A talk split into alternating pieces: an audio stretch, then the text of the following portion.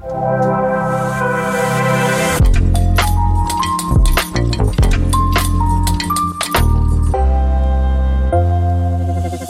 klimarebeller hænger og dingler over Langebro. Efter kort tid der dukker politiet op og lukker broen for trafik i flere timer. Store luftbuder bliver pustet op, mens politiet de forsøger at få klimaaktivisterne ned. Under dem hænger banner med teksten Klimaretfærdighed har ingen grænser, og med netto 0 2050 giver klimakatastrofe. I fire timer der er Langebro lukket for trafik. Først da alle fire, fire klimarebeller er pillet ned og taget med på stationen, så bliver de igen åbnet. Men nytter den her aktivistiske stil overhovedet noget i klimakampen? Eller bør man i stedet bruge retssale som kampplads, som vi ser flere steder i udlandet? Det undersøger vi i denne udgave af Indsigt. Aktionen på Langebro den skete i går formiddag, og det var aktivister fra Extinction Rebellion, der stod bag. Og i hele ugen, der har de faktisk lavet flere klimaaktioner, det de selv kalder for en oprørsuge. Mål, det er at få sat fokus på klimaforandringerne og få råbt politikerne op og få dem til at gøre noget.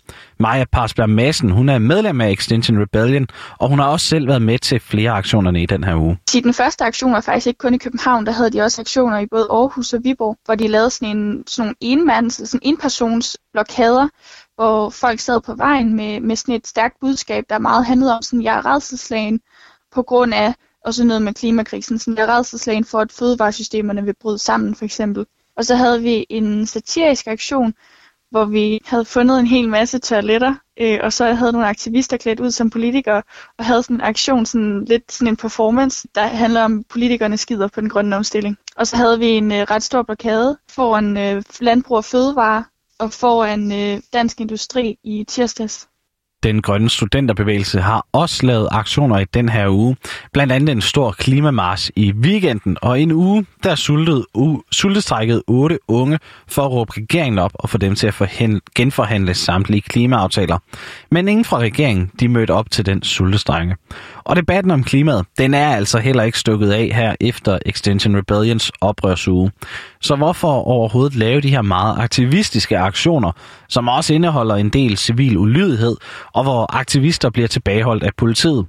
Fordi det etablerede system, det ikke virker, mener Maja Parsberg Madsen. Der har været masser af grønne organisationer, altså Greenpeace, startede for omkring 50 øh, år siden i starten af 70'erne, og der har altså været så mange grønne organisationer, der har lavet demonstrationer og underskriftsindsamlinger og marches og så videre og så videre og så videre, og der er jo, åh, der er jo ikke sket en skid. Altså, det er jo ikke, det, det altså kun blevet værre. Og derudover rigtig mange Extinction Rebellion, inklusive mig selv, har været aktive i det sådan lidt mere etablerede system, altså har været partipolitiske og har været i de lidt mere sådan, hvad skal man sige, regelrette eller sådan bløde grønne organisationer, og er jo også blevet dybt frustreret over, at det ikke har virket. For mit vedkommende, der er det sådan en afmagtsreaktion, tror jeg. Sådan, jeg har faktisk prøvet alt det andet, og det virker ikke.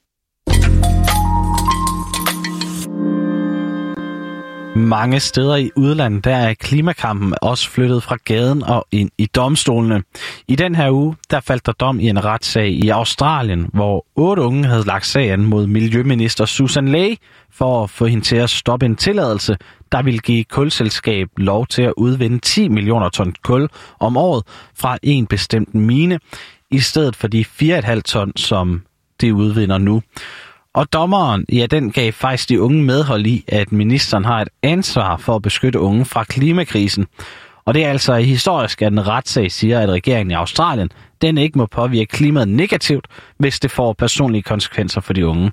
Og det her med, at domstolen de tager stilling til ting, som vi normalt anser som politiske, det er noget Helle Porsdam, hun forsker i som professor i jura og humaniora på KU. Det betyder, at jeg tilbringer 50 procent af min tid på humaniora, på historie, hvor jeg underviser i amerikansk historie, og den anden halvdel af min tid på det juridiske fakultet, hvor jeg underviser i menneskerettigheder.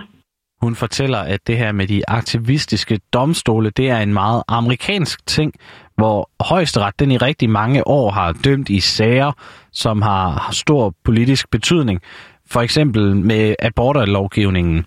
Men lige nu, der ser man faktisk, at der bliver ført flere af de her klimasager ved domstol rundt omkring i hele verden. Det er en, en, en tendens for klimasagerne, at man ser det øh, at man for eksempel ser unge mennesker lægge sag an mod deres respektive regeringer, fordi man ikke har taget, klima, øh, ikke taget den, den klimaforskning, der er på området alvorligt, og ikke har overholdt øh, Paris-konventionen for eksempel.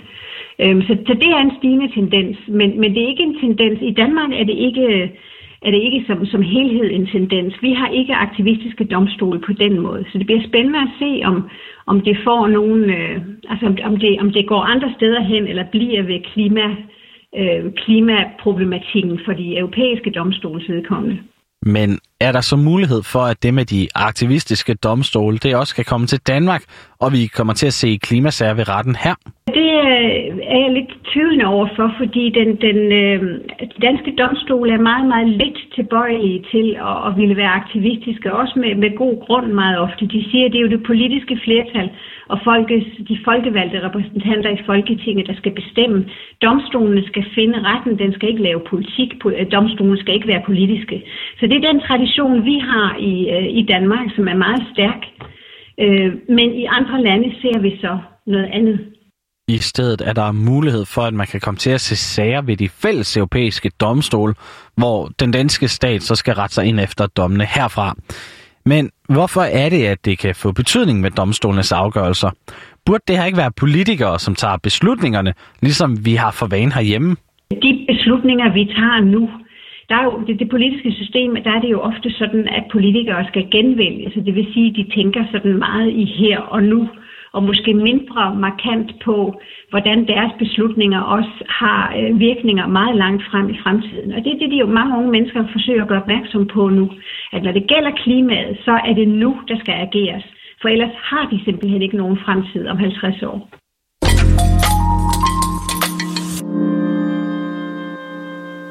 Tilbage hos Extinction Rebellion, der er Maja Parsberg Madsen dog ikke helt klar til at give op på aktivismen og den civile ulydighed, bare fordi der ikke er sket sådan super meget i den her uge.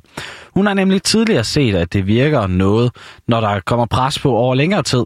Hun nævner for eksempel, da Greta Thunberg hun begyndte sin skolestrække for klimaet, og det efterfølgende spredte sig til hele verden. Jeg var selv med at arrangere nogle af de første strækker i Danmark i Odense, og folk blev pissesure. Altså det var ekstremt sådan grænseoverskridende. Det var sådan meget sådan oprørsagtigt eller sådan utænkeligt for folk på det tidspunkt. Og det har jo sparket debatten ind. Og så er jo Extinction Rebellion kommet, som jeg ret hurtigt øh, tænkte, dem vil jeg gerne være med i. Og den grønne studenterbevægelse har virkelig givet den gas også.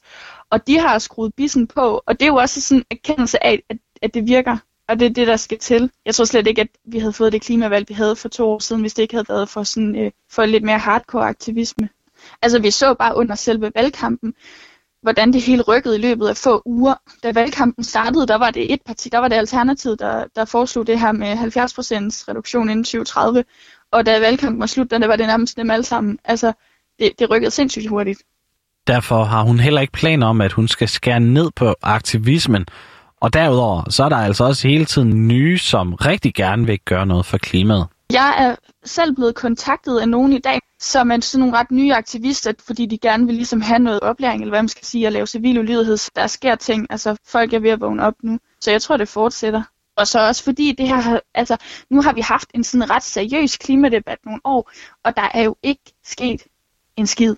Altså, og, og det er folk træt af. Altså, og vi har haft en coronakrise, som var sådan en gylden mulighed for at, at få ændret på nogle ting. Altså corona har jo vist, at hvis vi virkelig vil forandring hurtigt, så kan vi godt. Men vi gider bare ikke. Altså sådan, og jeg tror, at det, det har virkelig uh, sat uh, ild i nogle ting uh, hos folk. Men Maja Parsberg Madsen, hun følger altså også med i de udenlandske domme og ser, hvilken betydning de har haft for klimakampen over hele verden. Men hun tror altså ikke på, at retssagerne alene kan gøre en forskel. Jeg tror, at det hele det går på flere ben. Altså mig helt personligt, jeg, jeg ved faktisk, jeg tør ikke lige helt tale på hele bevægelsens vegne her, men mig personligt, jeg er kæmpe fan af de her store retssager, der kommer. Øh, jeg synes, det er mega relevant, og, men jeg, det kan heller ikke stå alene.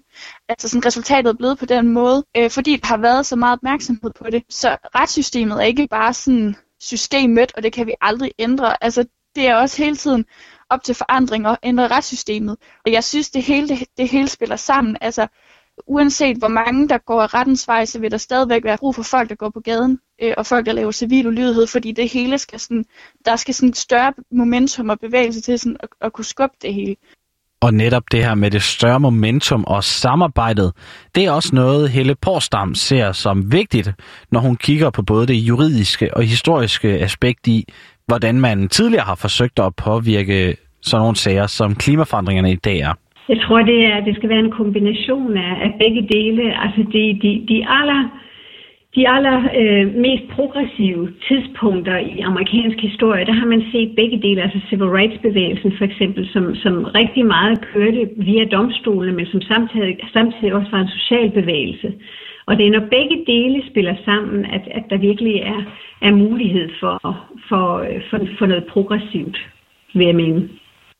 Og med det, så nåede vi inden på denne udgave af Indsigt. Den var lavet af Tejs Eriksen og mig. Mit navn, det er Tobias Hegård.